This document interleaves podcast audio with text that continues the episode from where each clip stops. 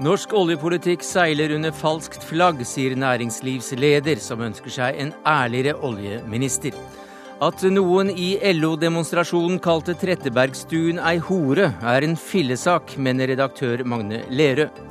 Jan Åge Torp mener barneombudet er hatefull og løgnaktig i omtalen av karismatiske menigheter. Pastor møter ombud i Dagsnytt 18. Og bøylepingviner kan tine opp isen mellom Norge og Kina, hevder Akvariet i Bergen.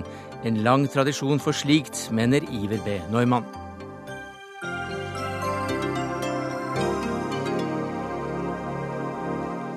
Ja, Det er noen av sakene i Dagsnytt 18 denne torsdagen, der vi også skal til eh, Egypt. Og vi skal se på en ny bok om makten til religiøse ledere i Norge.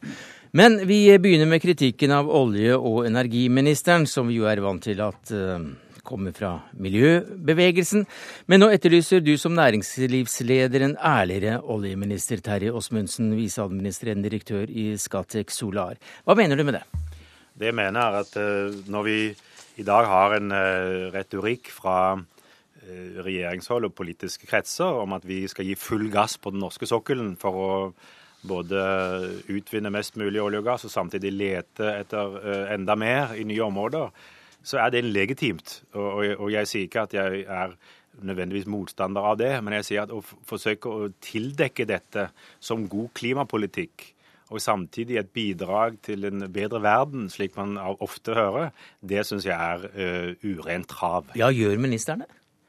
Jeg mener at vi kan eh, Nå får vi høre hva man Nå må jeg jo si det at ministeren er jo ikke alene. Altså, vi er jo alle, gjør alle dette i større eller mindre grad, tror jeg. Vi er skyld i at vi av og til tildekker våre motiver, for det høres bedre ut å kalle ting øh, øh, si, øh, annerledes enn det ofte den rene interessepolitikken som ligger bak. Men realiteten er at eh, det er første rekke våre nasjonale økonomiske interesser, næringspolitiske interesser, som ligger mm. bak den ekspansjonen vi nå står for. Vi skal forholde oss til det. Og jeg tror Borten Moe har eh, jeg vil si Det positive er at han har sannsynligvis eh, moderert seg noe siden sine første bramfrie uttalelser. Ja, vi får nå høre det etter hvert, så ikke moderer ham for, for oss foreløpig, Åsmundsen. Men si meg heller hva slags vikarierende motiver er det du klarest ser her? Det jeg for det første mener man må slå fast, er at må, så lenge vi har et politisk mål om å begrense uh, temperaturstigningen på, i, på, jorden, så er det bred vitenskapelig og også politisk enighet om at uh, det er grenser for hvor mye olje og gass som kan vinnes ut, og kull mm. som kan vinnes ut. Og da mener jeg man samtidig må, kan ikke da si at det vi gjør i Norge er helt frikoblet for det. Da må vi også forholde oss til at vi er en del av det samme begrensningen, og si at det er noen grenser for hvor mye mm. som kan utvinnes. Ola Borten Moe, olje- og energiminister for Senterpartiet. Pakker du inn forurensende oljepolitikk i miljøvennlig emballasje?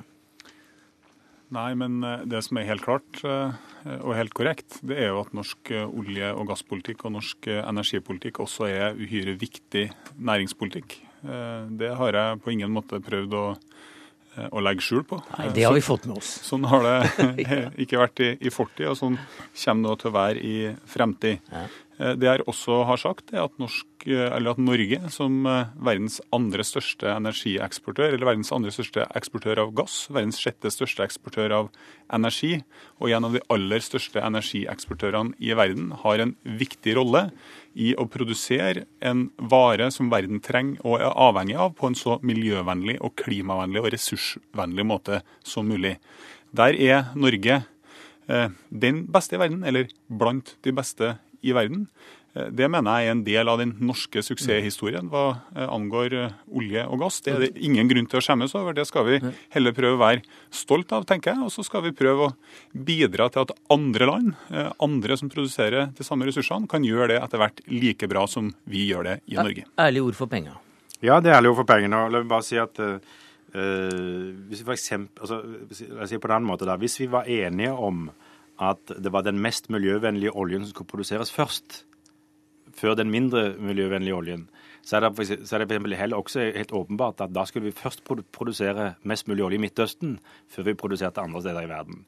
Men sånn er det ikke. og Jeg forsvarer ikke nødvendigvis en slik politikk. Men det som jeg vil, vil, ta, vil ta til orde for her, er å si at det vi heller ikke kan se bort ifra, det er at det er eh, Verden har allerede oppdaget flere ganger mer fossil energi enn vi kan tillate oss å produsere. Og Da mener jeg at olje- og energiministeren i det minste bør, som en del av den regjeringen han er en del av, eh, bør kunne samtidig argumentere for at vi bør i hvert fall forholde oss til dette, og kanskje gradvis tilpasse oss en fremtid hvor vi må vurdere om det er behov for å sette noen, eller rett og slett å dempe tempoet, i lys av hva vi mener mm. et, eh, en, en føre-var-tenkning kan forsvare internasjonalt. Dette er svært viktige poeng, og det er viktige debatter. Eh, la meg bare slå fast uh, tre ting. For det første så uh, strever jo ikke verden alene bare med klimautfordringer. Vi har ei annen utfordring som er like viktig, og det er fattigdomsutfordringa. Det er 1,5 milliard mennesker på jordkloden som ikke har elektrisitet. Vi vet fra vår egen historie at sammenhengen mellom tilgang på energi og, og en bærekraftig sosial og økonomisk utvikling er veldig tett.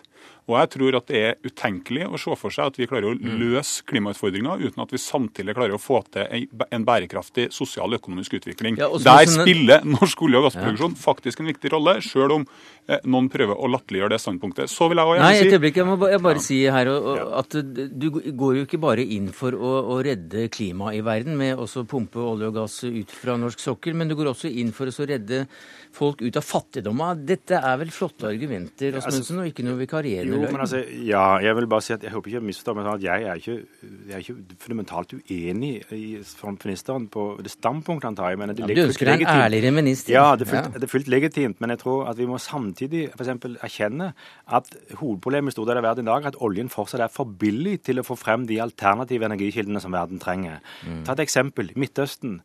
I Midtøsten brukes altså olje til å produsere elektrisitet for uh, uh, nesten hele befolkningen. Det er klart hadde, olje, hadde, hadde, man klart å få disse landene gjennom høyere oljepris til å eksportere mer av sin olje, så ville man altså kunne erstatte det med betydelig produksjon av strøm fra sol og vind, som et eksempel. Så jeg at, ja, jeg er enig verden trenger mer olje og trenger mer energi, men verden trenger fremfor alt mer effektiv energiforvaltning, og de trenger fremfor alt et stimulanser til å gå over til fornybarsamfunnet. Mm. Det er jeg enig i. Eh, og Det er også derfor jeg hele tida har sagt at vi er, nødt til å ta, nødt til å ha to tanker i hodet samtidig. På den ene sida bidra til stabile og transparente energimarkeder globalt. For det er faktisk sånn at selv om vi i Norge, i det norske samfunnet, håndterer store prissvingninger på olje og gass, så er det svært problematisk for den fattigste delen av verdens befolkning. Det er bestandig de som sitter nederst ved bordet, som får den største relative regninga når prisene svinger så mye opp, som, opp, og ned som de har gjort i det siste. Der har Norge en viktig rolle. Men så har vi jo et viktig ansvar for å gå i front i vårt eget samfunn. For å vri vår egen økonomi, vårt eget samfunn, over i en mer klimavennlig bærekraftig og fornybar retning. Og det vil jeg hevde at vi gjør. Vi har den høyeste fornybarandelen i Europa. Europas målsetning er 20 vår er 67,5% Vi satser milliarder på utbygging mm. av alt fra vindmøller til småkraftverk eh, og, eh, og sentralnett. Og vi satser på energieffektivisering, på ny teknologi, på på CCS-rensing. Det er knapt det området innenfor energi og energibruk der mm. Norge ikke har store ambisjoner. Så vi, vi tenker eh, flere tanker. Og, og deler av den nisjen er vel da du også eh, representant for, som visende administrerende direktør i Scantic Solar, som vel produserer solcellepaneler, eller i hvert fall noe, noe solenergi. I, solenergi noe i den dur. Men, men, men Borten Moe si, Nei, et øyeblikk, du må nesten til Borten Moe. Også denne, denne, kritikken kommer også fra næringslivet, i den grad det er noe sterk kritikk her. Men, men Kristin Halvorsen skrev jo om deg sitat, at det er like greit at miljøvelgere ser hva vi har å slite med her. Mens uh, miljøbevegelsen har kåret deg til årets etikkversting. Akkurat det kalte du et karakterdrap. Hva mente du med det? Kanskje et forsøk på et karakterdrap, men, eh, men, la meg eh, først si at den Nei, nå kan du svare på den. Du, fikk ja, eh, den, tatt skrytelista i sted. Ja, Den politikken som jeg fører, og som Olje- og energidepartementet fører, det er regjeringas samla politikk. Det er heller ikke en politikk for å øke norsk olje- og gassproduksjon. Det er en politikk for å redusere fallet i norsk olje- og gassproduksjon. Men hva mente du med at det var et forsøk på hva, hva, hva, hva, mente du med, at det var et forsøk på, på karakterdrap? Jeg mener at eh, det er åpenbart sånn at eh, når man går tom for saklige eh, argument, og kaller det et, et ordinært ordskifte, så prøver man seg på på en helt annen eh, argumentasjon. Og jeg er åpen for at det går an å ha mm. andre synspunkt knytta til norsk olje- og gassutvinning. Det har vi debattert i dette landet i, i 30-40 år, og vi kommer til å fortsette med det også i fremtida. Men, men, men, da må det gå an å diskutere det saklig uten å tillegge Eh, hverandre at man har et, et, håpløst etisk eller moralsk utgangspunkt for de standpunktene. Arild Hermstad, du er leder i Framtiden i våre hender, og, og, det var dere som også kom med disse karakteristikkene her. i Borten Moe har vi fått en energiminister som er for mest mulig klimagassutslipp, skriver dere, og, og har altså kåret han til etikkversting nummer én sammen med Statoil. Ja, og det gjør vi jo fordi at uh, han uh, er en av Norges mektigste politikere. Han styrer et departement som har en, altså han har en sektor under seg som skal investere 180 milliarder kroner i olje og gass på norsk sokkel i inneværende år. Dette er investeringer som våre barnebarn kommer til å fortsatt se når de står der om 50-60 år. og det Eh, det betyr, og han er også da eh, majoritetseier i Norges største, desidert største selskap, altså Statoil. Eh, og han har altså lagt seg på en linje hvor han tidligere var motstander av tjæresandsvirksomheten til Statoil. Og som minister så ble han for. Og han nøyde seg ikke bare med det. Han, han gikk altså i rette med EU, som forsøkte, eller forsøker å komme til å vedta et direktiv som ikke vil ha tjæresand fra Canada, og sier at det er for grisete for miljøet. Og, og, Da mener jeg at uh, ministeren har gått uh, altfor langt. Han har også utmerket seg med en eh, ganske mange andre uttalelser om at klimahensyn ikke skal styre olje- og gasspolitikken i Norge, f.eks. Og det, det vitner om at en ikke balanserer hensynet til både olje og energi. Men han er jo olje- og energiminister, da? Og ikke miljøvernminister? Altså Når det gjelder fornybar energi, så eh, er jo ikke det temaet i dag. Vi syns at han gjør mye bra mm. på det feltet òg, men det er altså olje- og gassnæringen som mm ikke kan vokse inn i evigheten. Men det er altså da et sitat som kommer til å henge ved deg en, en, en stund her, eh, Borten Moe. Og det er dette her det er ikke aktuelt for meg å avlyse norsk verdiskaping i solidaritet med resten av verden. Hva mente du med det? Jeg mener at vi er nødt til å se, altså vi er nødt til å gjøre de smarte tingene i Norge. Eh, og vi skal ikke gjøre ting i Norge som får utilsikta konsekvenser en annen plass. Og en av de eh, forslagene som har vært opp i norsk Eh, klimadebatt, det har jo vært at man eh, av ulike årsaker skal avvikle deler av norsk kraftkrevende industri, eksempelvis aluminiumsproduksjon. Jeg vil ha veldig sterkt hevde at det er et dårlig klimatiltak, for at verden trenger mer aluminium. Og hvis vi flytter aluminiumsproduksjon laga på vannkraft i Norge til f.eks. Kina, så fører jo ikke det til reduserte klimagassutslipp, men det vil tvert imot øke dem, og i dette tilfellet med ca. 15 millioner tonn. Så god næringspolitikk er også mm. god klimapolitikk. Eh, og eh, det er jo en av de momentene som jeg prøver å få frem, ikke alltid med like god hjelp fra, eh, fra, fra miljøbevegelser. Skulle du kort til slutt her, skulle du ønske at denne olje-sand-affæren var ute av verden snart når det gjaldt Statoil? Vel, Det er opp til Statoils styre. Hva, hva tenker du om den politiske belastningen eh, du har ganske jevnt pga. dette?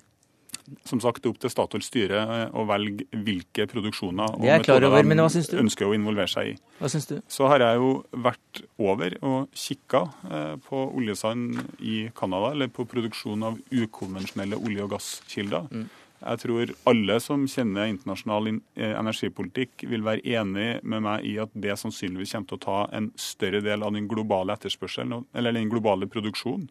Eh, og at det da er også et spørsmål om å gjøre den mest mulig mm. eh, effektiv, klimavennlig og ren. Og min konstatering etter å ha vært der og kikka på, er at i så måte bidrar Statoil positivt, i tråd med og i i, i, i, tråd med de bestillingene som både storting og regjering har gitt. Og så er det opp til Statoil om de ja. velger å være til stede der eller ikke. Takk skal du ha, Borten Moe, olje- og energiminister for Senterpartiet. Terje Åsmundsen, viseadministrerende direktør i Skatek Solar. Og Arild Hermstad, leder i Framtiden i våre hender. Dagsnytt 18 alle hverdager klokka 18.03 på NRK P2.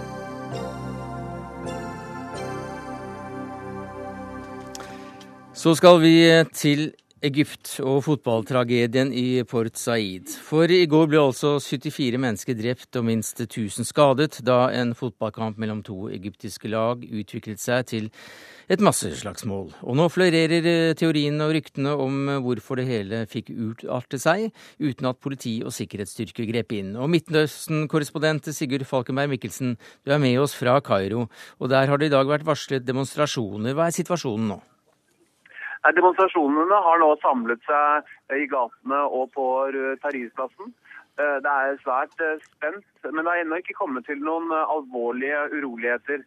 Samtidig så debatteres jo også denne fotballkrisen og denne fotballtragedien i parlamentet hele dag, og det er noe som opptar hele Egypt. Hvilke teorier er det som florerer der du er nå? De går fra de å tro at det er eh, tidligere regimet som eh, var involvert. Altså at det var noe Mubarak og, og hans allierte har på en måte konkurrert for å skape kaos. Eh, til å hevde at det er noe det regjerende militærrådet har fingrene sine i for å skape utrygghet og dermed kunne fortsette sine unntakslover. Men alt i alt så er det mye sinne mot Eh, styresmaktene her, fordi eh, på et generelt grunnlag eh, ordens og sikkerheten til vanlige folk er er blitt betraktelig dårligere i det siste. I hvert fall er det det inntrykket folk har. Og det de TV-bildene som nesten hele Egypt satt og så på i går, av politiet som satt og så på mens da hjemmetilhengerne angrep bortetilhengerne, det har rystet mm. mange her i Egypt. Og særlig da fordi Al-Ali-tilhengerne var så Eh, viktige i kampen mot Mubarak på Tahrir-plassen for et år siden. Takk skal du ha, Sigurd Falkenberg Mikkelsen i Kairo. Under Wikan, du er professor i sosialantropologi ved Universitetet i Oslo, og du kjenner Egypt svært godt. Hvordan tolker du denne episoden, hendelsen, tragedien? Eh, det er vanskelig å vite hva som står bak. Eh, at det er sånne teorier ute om at Mubarak-tilhengere står bak, eller at de militære har fått ordnet med disse bøllene, for å si det sånn, det er som man kunne forvente. Eh, det er veldig vanskelig rett og slett å vite. Alle mistenker sine motstandere for å være, være bak. Eh, men det er generelt i Egypt nå, og har vært mye av det siste året, en tilstand av ganske mye lovløshet. Vi har hatt mange tilfeller hvor de militære og politiet ikke har klart å beskytte folk. Det har også gjeldt i angrep på koptere og på demonstranter på Tahrir. Så det er en svært bekymringsfull tilstand. Men disse bildene altså at, av at politifolk mm. kunne ha grepet inn, men de, men de er, står der helt rolig, og de er ganske mannsterke. Ja. Det gjør voldsomt inntrykk. og man ja. kan jo da, som, eh, som, ganske mange også gjør, eh, tenke at ok, dette er et slags takk for sist. Mm, det kan man tenke. Eh, politi en enkelte politi sier selv at det hadde ikke nyttet å gripe inn. De sier vi har ingen respekt. Og jeg har vært i Egypt mye det siste året, senest i desember. Og det er, det er nok noe i det. At politiet har ikke særlig respekt i befolkningen. Så ja, selvfølgelig skulle de ha grepet inn. Helt klart de skulle ha grepet inn. Eh, hvorvidt det hadde hjulpet så mye, det er jo et annet spørsmål. Men eh, Andreas Seljås, du er spesialrådgiver i Norges idrettsforbund, og du kjenner godt til nettopp egyptisk fotball og supporterkultur, og du skriver om dette på bloggen Sportens utholdelige letthet. Eh, hva mener du om det som hendte? Nei, altså Spekulasjonene rundt det som skjedde, det, det, skal ikke jeg gå inn på. Det har eh, de foregående tatt seg av. Men eh, det er veldig spesielt det som skjer i Egypt når det gjelder fotball. Det Mikkelsen var inne på at Al-Ali, det tapende laget i går, har vært veldig, veldig sentrale i det som har skjedd på Tahrir-plassen det siste året. Eh, de har en eh, eh, de har Altså, det er en spesiell supporterkultur i, i Egypt. Ja, hvordan da? Nei, de er skrudd sammen litt som Eller forbildene er ultrasupportere i Serbia og Italia. Mm. De er i utgangspunktet ikke politiske. Det som er ideologien på en måte for disse supporterne, er at, de skal, at stadionområdet er deres område. Eh, også da eh, Det er om å gjøre å dominere stadion, også dominere da eh, motstanderlagets supportere. Det, som, det, har vært veldig voldelige konflikter på fotballbanen i Egypt i, i flere år. Al-Ali og Samalek er liksom det store hatoppgjøret. Og da har politiet stått imellom og forhindret store katastrofer. Og I går så, så vi jo at eh, fraværet av politi kan ha veldig store konsekvenser.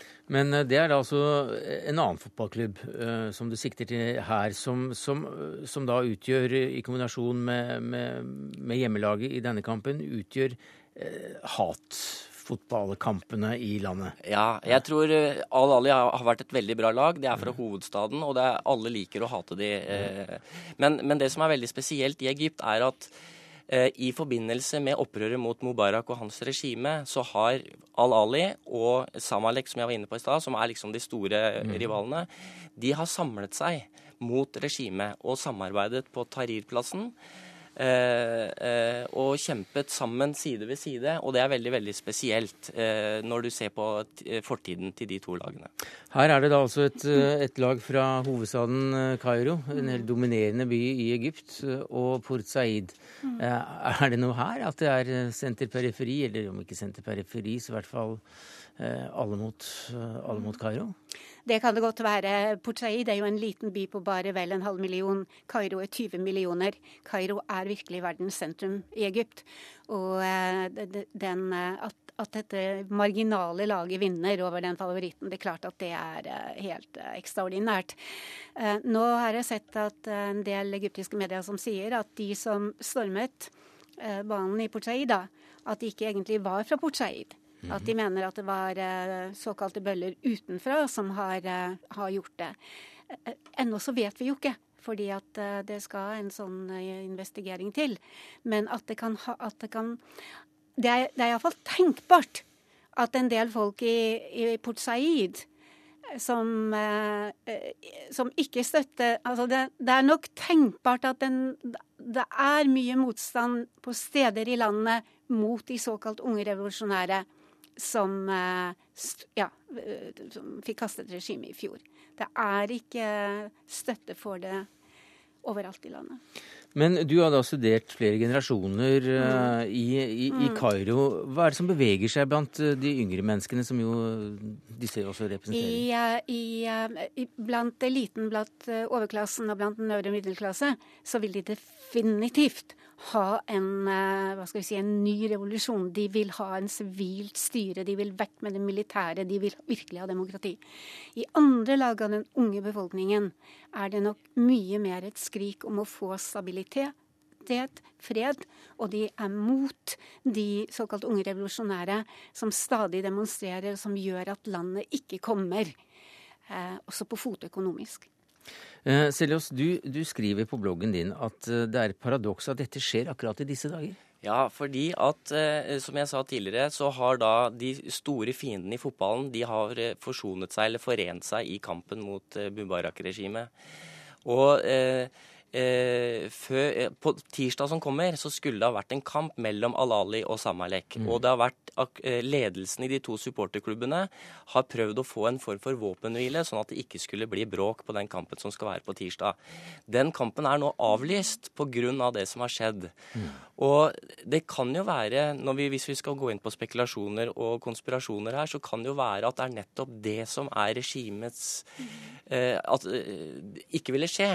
Fordi at det viser at de to grupperingene står sterkt samlet og kan være en veldig, veldig sterk kraft mot også det sittende militærrådet. Mm. Eh, til slutt, Univikan, kan dette være en gnist for oss å fyre opp eh, under eh, nye demonstrasjoner i Kairo? Å, absolutt. Definitivt. Og vi, går, ja, og vi går inn nå i en veldig spesiell uke. Mm. På lørdag neste uke er ettårsdagen for Mubaraks fall.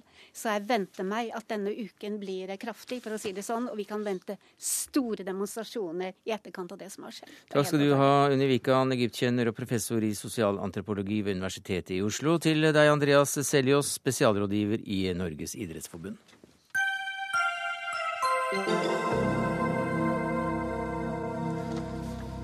Da Anette Trettebergstuen fra Arbeiderpartiet holdt tale til støtte for vikarbyrådirektivet under LOs demonstrasjon mot dette direktivet, ja, så hørte hun altså at noen rope hore etter henne. Og det hadde ikke journalist i LO Aktuelt Torgny Hasås hørt, og her er han fra debatten med VGs kommentator Fridtjof Jacobsen i Politisk kvarter i morges. De aller, aller, aller fleste der ville ha reagert spontant og stoppa hvis det hadde blitt noe horeroping. Da sier du egentlig rett ut at du mener Anette Trettebergstuen eh, lyver. Det er jo det du sier. At hun har funnet på at noen skal ha ropt hore til henne for å skade dere. Jeg syns det er en veldig spesiell eh, påstand. Den bør du ha godt belegg for, for å si det sånn. Ja, jeg har jo ikke henne, sagt at hun lyver, men Det er jo det, du, det, er det du har... sier. Du sier at hun har hørt feil eller finner på. Du må, altså, kan du ikke bare si da, at du tror hun ljuger? Det er mye lettere, eh, så er du i hvert fall ærlig om det. Men altså, det er jo veldig rart at det er ingen andre som har hørt det. Redaktør i ukeavisen Ledelse, Magne Lerøe, hvordan vil du karakterisere hele denne saken? Ingen stor sak. Altså, Vi vet jo ikke hva som er fakta engang, hva som virkelig er utgangspunktet. Her er påstand og påstand.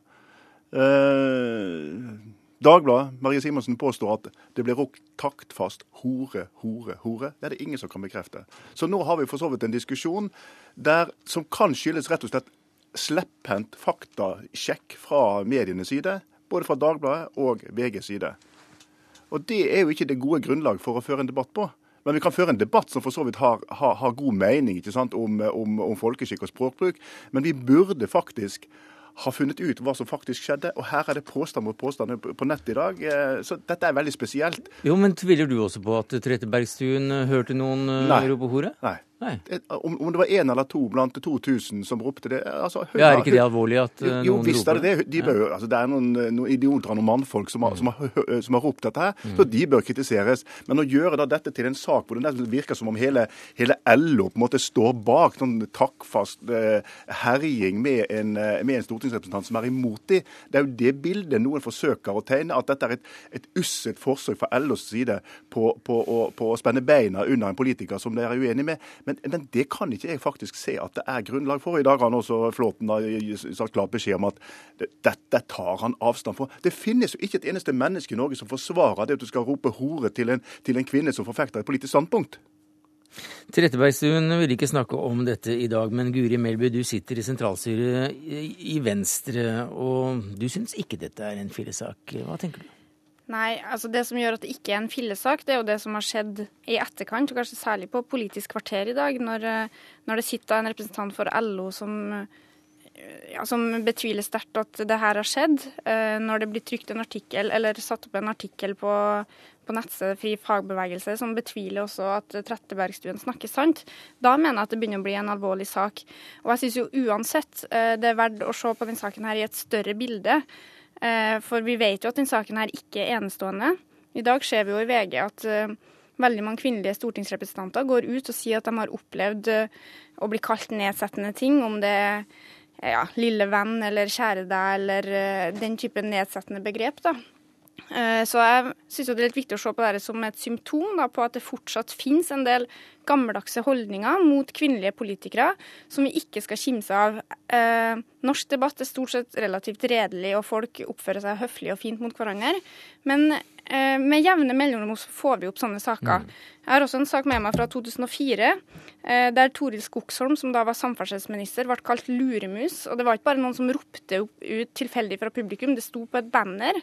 Så det her er jo noen som har tenkt gjennom og bestemt seg for at de skulle karakterisere oss som det. Og i denne sammenhengen så skal altså slås ned på enhver som ytrer seg på den måten, selv om det da er to stykker av 20 000 eller 2000 her? Ja, Selvsagt skal det det, og det har da hele det norske samfunnet gjort. Alle er enige om at sånn skal vi ikke ha det.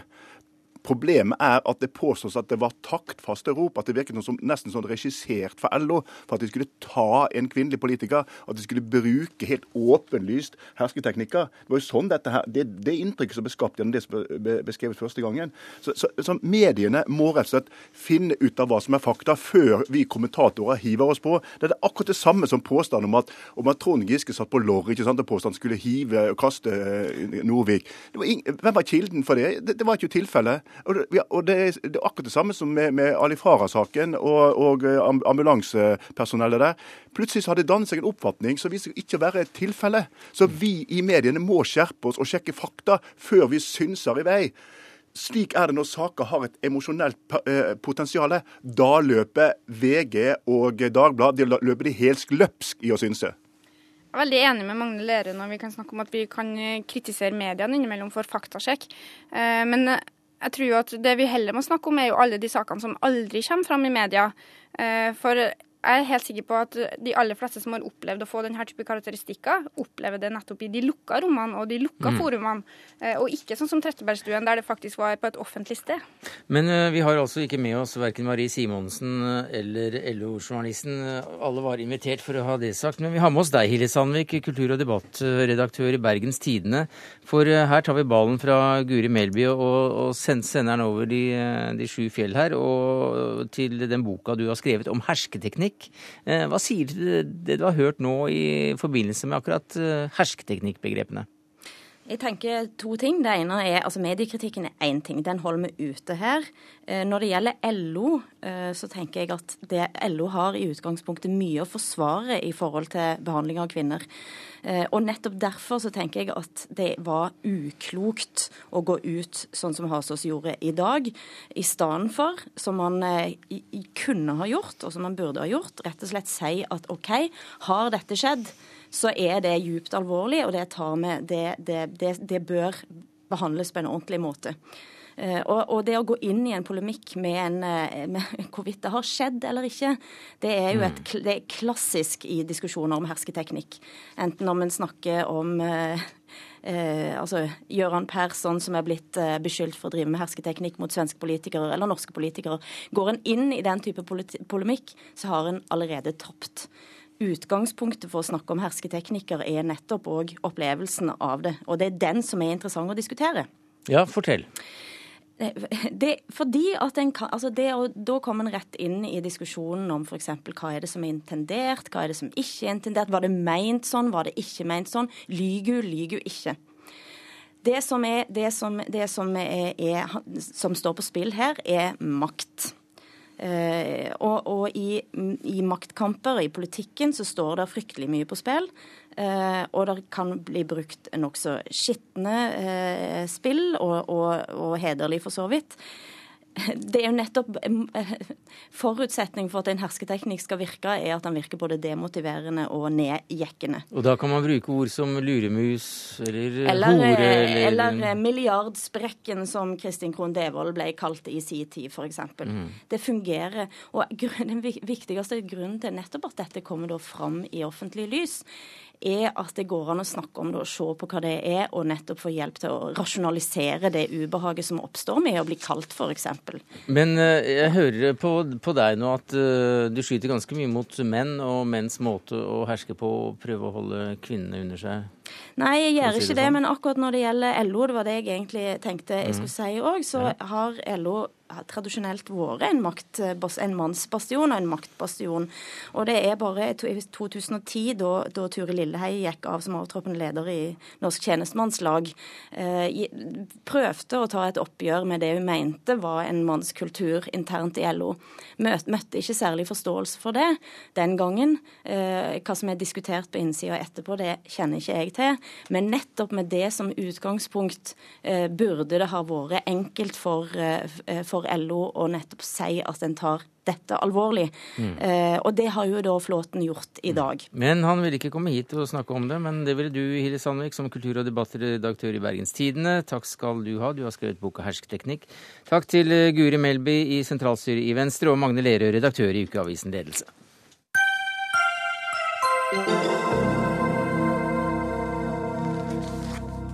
Ja, For et par uker siden kom meldingen om at Reidar Gjerman går av som barneombud til sommeren, og det fikk eh, pastoren i Oslo-kirken til å juble. Og hvorfor var det så godt å lese om dette svart på hvitt, slik du beskriver det på bloggen din, eh, Jan Åge Torp?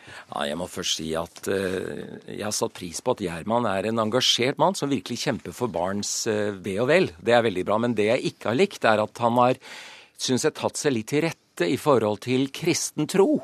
Eh, det virker nesten som at han har tatt på seg en, slags instruksjonsmyndighet overfor Kirken om hva man skal mene og hva, hvordan bibeloversettelsen til og med skal lyde, og det liker jeg ikke. Nei, også tatt seg til rette. Det er hardere ord enn som så. Sitat løgnaktighet, hatefulle og skadelige holdninger, sier du? Jeg syns at det har vært veldig aggressivt fra han. Og det, det er, men det er kanskje litt av måten han snakker på. Men hva er det du særlig reagerer på? Ja, jeg reagerer jo veldig på at, eh, at eh, når man leser på Barneombudets sider på, på, nettet, så står det om hvordan de hadde møte med bispemøtet og med selv, jeg tror det var Bibelselskapets styre, og fikk dem til å endre bibeloversettelsen. Og det mener jeg er, er i en holdning blir så feil. Fordi det er altså de hellige skriftene, enten jeg tror på dem eller ikke, altså Koranen for den saks skyld, skal jo vises respekt.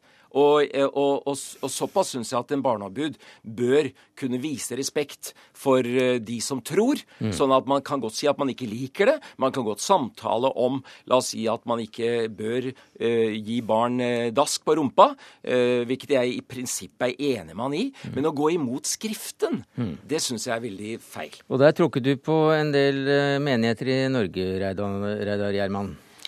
Ja, først må jeg si at ryktene om min avgang er ganske overdrevet. Jeg skal være barneombud eh, enda et halvt år til.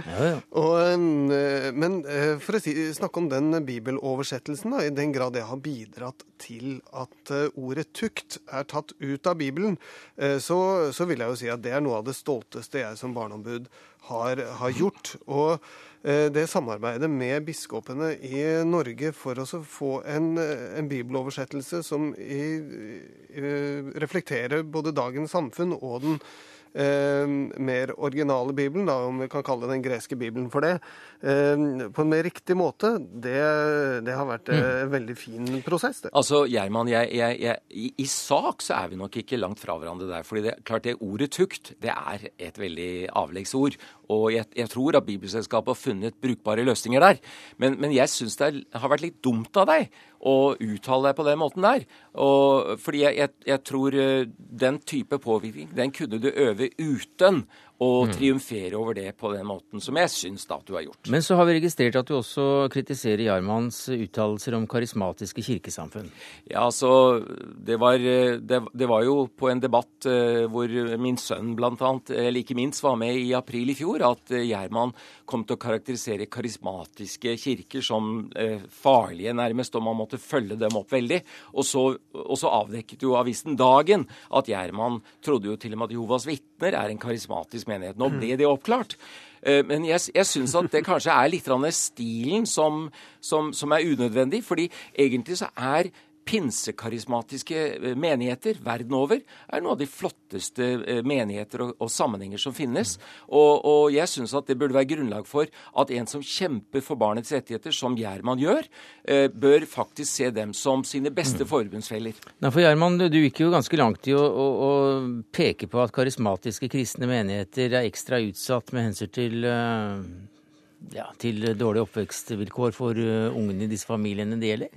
Ja vel, der er jeg ikke helt enig med deg. Jeg gikk ganske langt i å påstå at det var vanskeligere for samfunnet, uh, for storsamfunnet å få innblikk i disse menighetene, og vanskeligere for de barna som blir utsatt for overgrep uh, i disse menighetene. og få hjelp, men at det foregår mer vold der enn andre steder, det er det ikke noe grunn til å tro. Så det var lukketheten du snakket om? Så det, eh, det, som er enormt viktig, er at barn både i og utenfor disse menighetene, eller i andre eh, trossamfunn, større eller mindre, de skal vite om sine rettigheter. Hvis de blir utsatt for vold, seksuelle overgrep, omsorgssvikt eller andre ting som gjør at storsamfunnet har å gripe inn, ja, da skal det ikke være noe farligere å vokse opp i en eh, liten menighet enn uh, utenfor en liten menighet.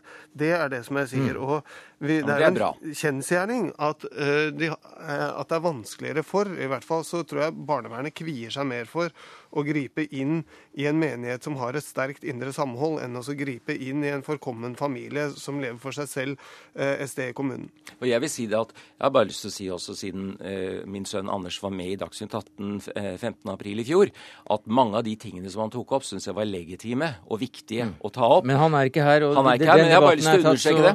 Men, men la meg si det på en annen måte. da. Altså, vi leser i Aftenposten i dag at du skriver at det er fint med debatt om disse karismatiske pinse, eller pinsekarismatiske bevegelsene nå. Ja. Eh, fordi det er den raskest voksende religiøse bevegelsen. 740 millioner medlemmer innen år 2025 regner statistikerne med, faktisk. Den nest største kristne kirkeretning i verden etter ja. Romerkirken. Og du, du, sier også at da må dere tåle ekstra, ja. ekstra sterk kritikk. Og dette ja. syns jeg dette er jo bra. Ikke bare kritikk, men jeg tenker at sånne som meg og andre som, som påvirker samfunnet, vi er nødt til å bidra til at de som er ledere i alle slags former for trossamfunn, eh, de er jo eh, at de faktisk nå taler opp mot alle former for vold og fysisk avstraffelse mot barn. Det dreier seg om eh, både innenfor pinsemenigheten og kirken for øvrig, men også både muslimer og jøder og andre må ha ledere som står opp for men, barna. Men, men Gjerman, jeg syns at, at, det er likevel viktig å, å tilkjennegi sterkere enn, en det som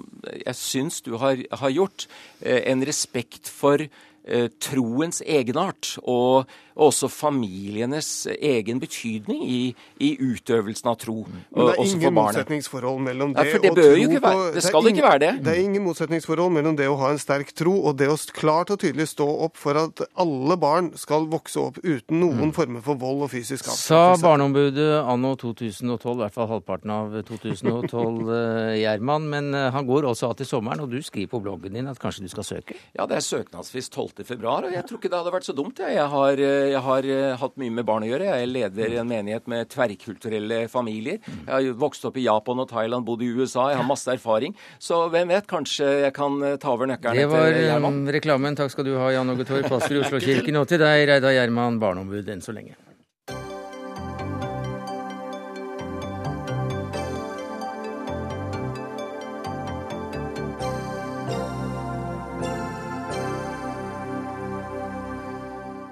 Ikke før har eh, Oslo-kirkens religiøse leder, pastor Torp, forlatt lokalet, så tar vi fram denne boka her. Om religiøse ledere, med tittelen 'Religiøse ledere makt og avmakt i eh, norske trossamfunn'.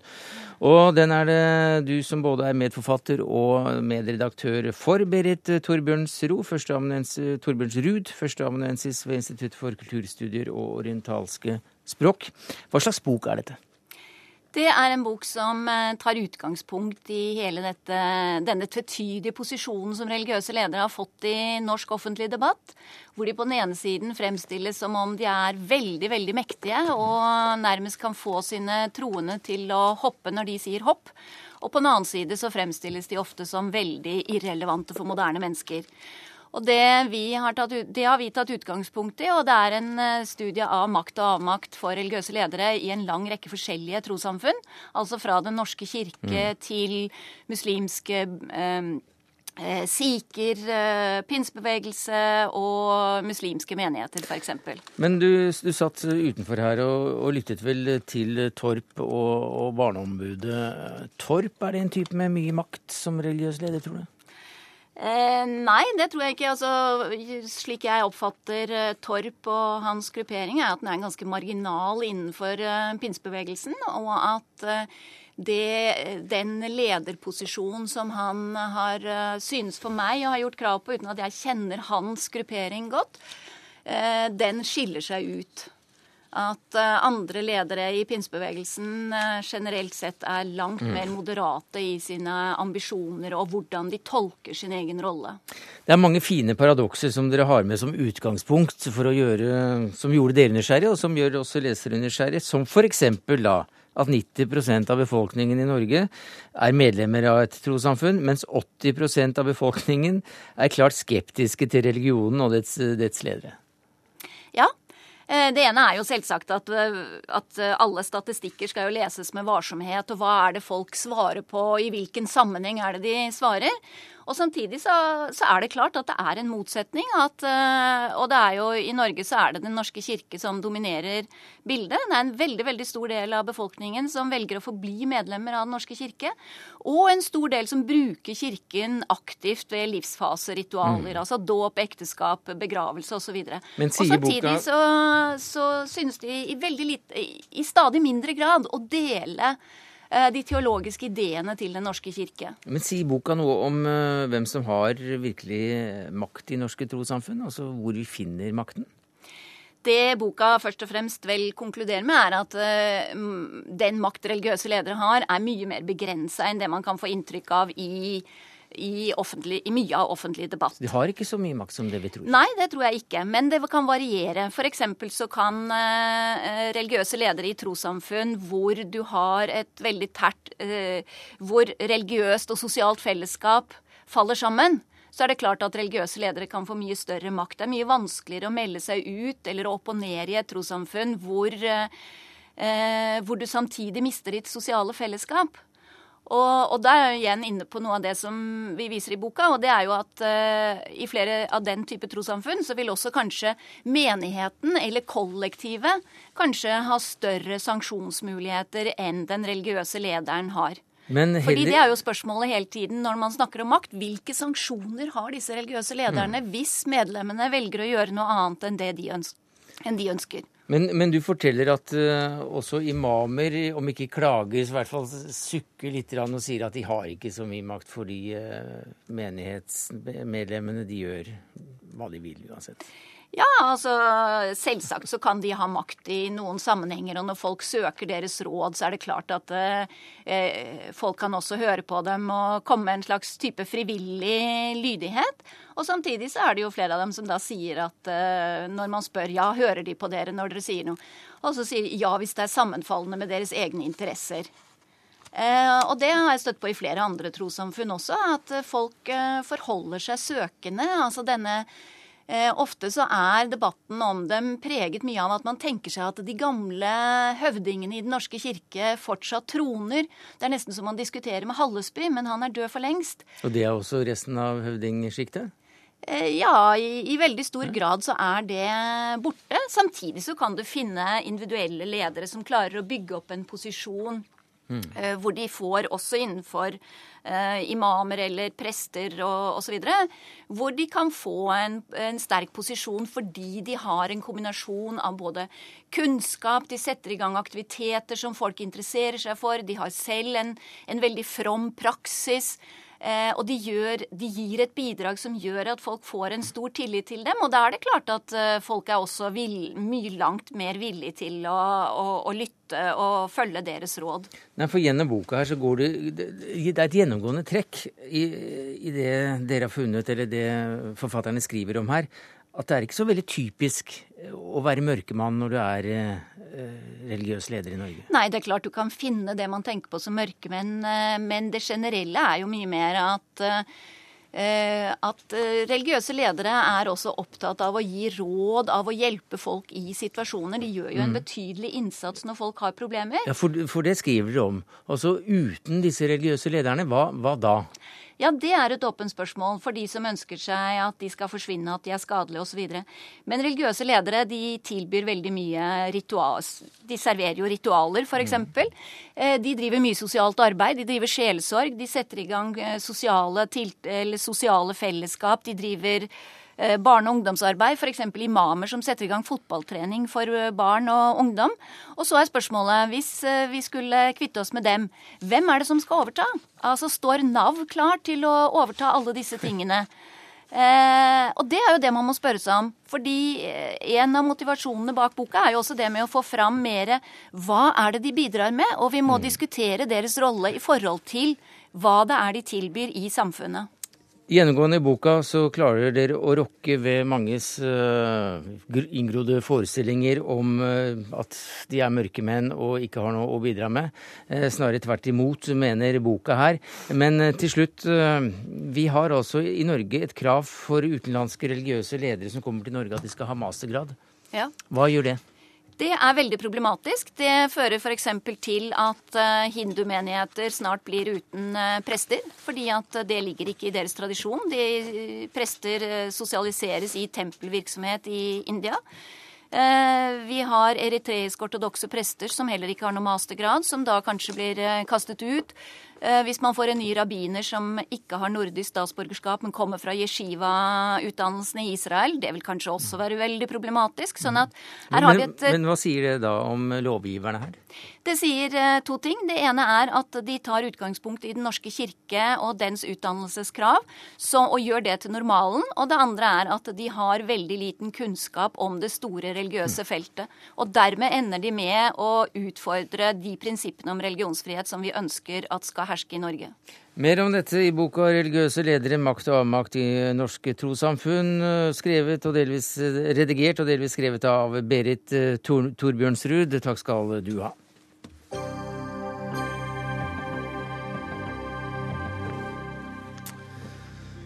Fra religiøse ledere skal vi til eh, diplomatiet og en ganske spesiell eh, gren av den. For at diplomatiet er eh, fullt av snippkjoler, ja det visste vi fra før. Men nå vil Akvariet i Bergen at norske myndigheter skal gi bort seks av akvariets bøylepingviner til Kina.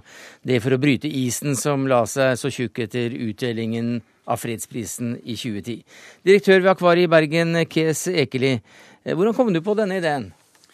Nei, det var eh, rett før jul så fikk vi en henvendelse fra en av de aller største dyreparkene i Kina om eh, vi hadde mulighet til å selge de noen pingviner, for de visste vi hadde mange og hadde suksessfull eh, reproduksjon.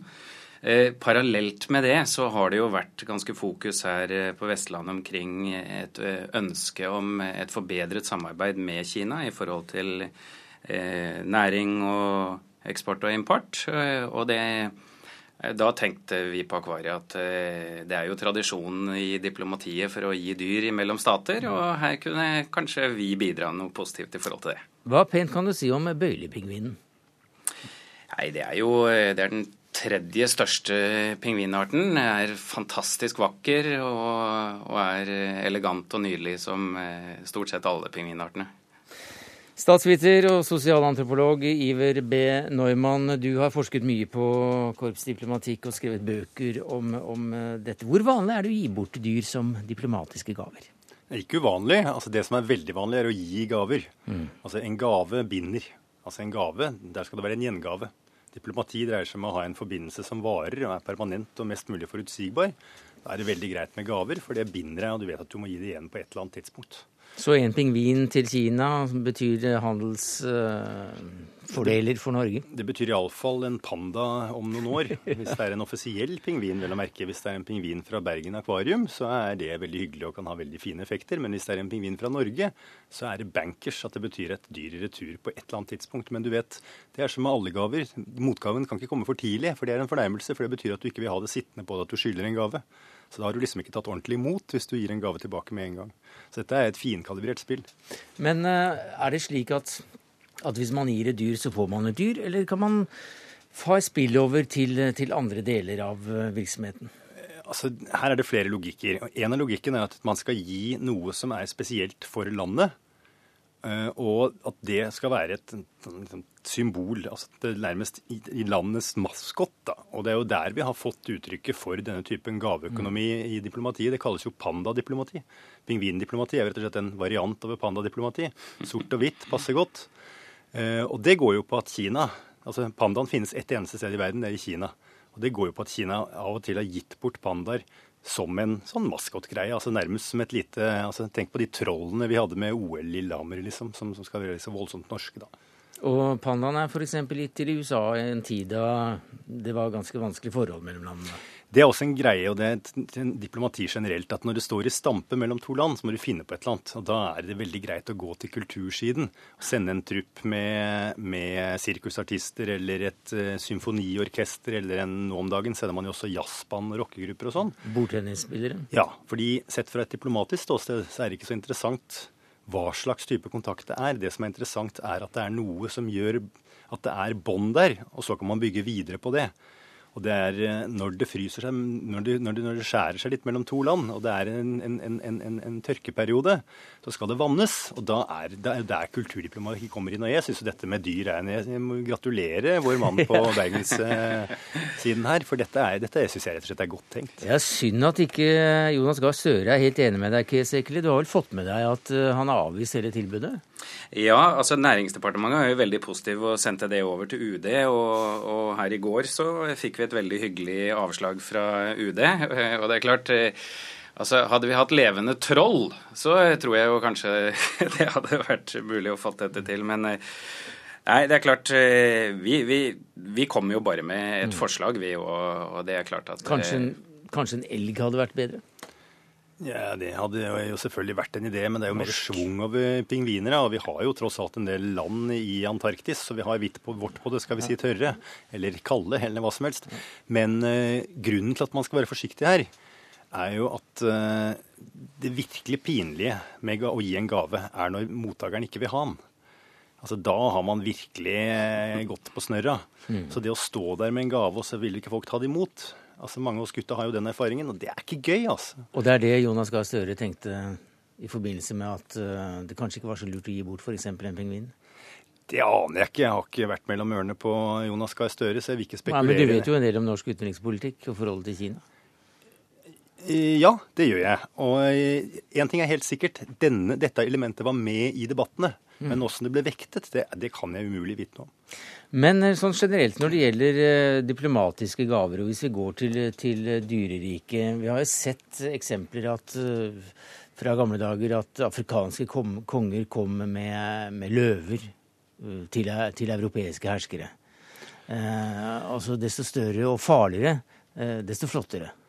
Ja, og altså, dette skal vi også takke altså Zoologene er jo sannsynligvis veldig takknemlige for dette. fordi Eh, det var jo en del av kolonialismens logikk at eh, franskmenn og briter og andre kom hjem med dyr som ikke fantes eh, andre steder enn altså særlig Afrika. da. Og noen av de dyreartene døde senere ut. Så hvis man går på hovednaturmuseet i Paris f.eks., så er det en egen gang hvor det står 'utdødde, utstoppede dyr'. Og det er jo, altså, Vi som liker mangfold, vi liker også det. Eh, helt eh, til slutt fra Bergen her. Er det mulig at akvariet allikevel kommer til å eksportere eller gi bort eh, disse pingvinene? Ja da, altså i, i utgangspunktet så, så, er vi helt sikre på at denne at vi, vi ønsker Vi har mange pingviner, og vi ønsker at Kina skal få Eh, få de, så denne handelen kommer nok til å, å, foregå uansett om det er i regi av staten Norge eller ikke. Et lite forslag. Kanskje dere skal kalle en av dem for Jonas, og så se hvordan det går. Takk skal du ha uansett. Eh, Kes Ekeli, direktør ved Akvariet i Bergen, og til deg, Iver B. Neumann, statsviter og sosialantropolog her i Oslo. Det var det vi rakk i Dagsnytt 18 eh, denne torsdagen, takket være ansvarlig for det hele Lilly Fritzmann. Det tekniske ansvaret hadde Odd Evenrud. Jeg heter Sverre Tom Radøy.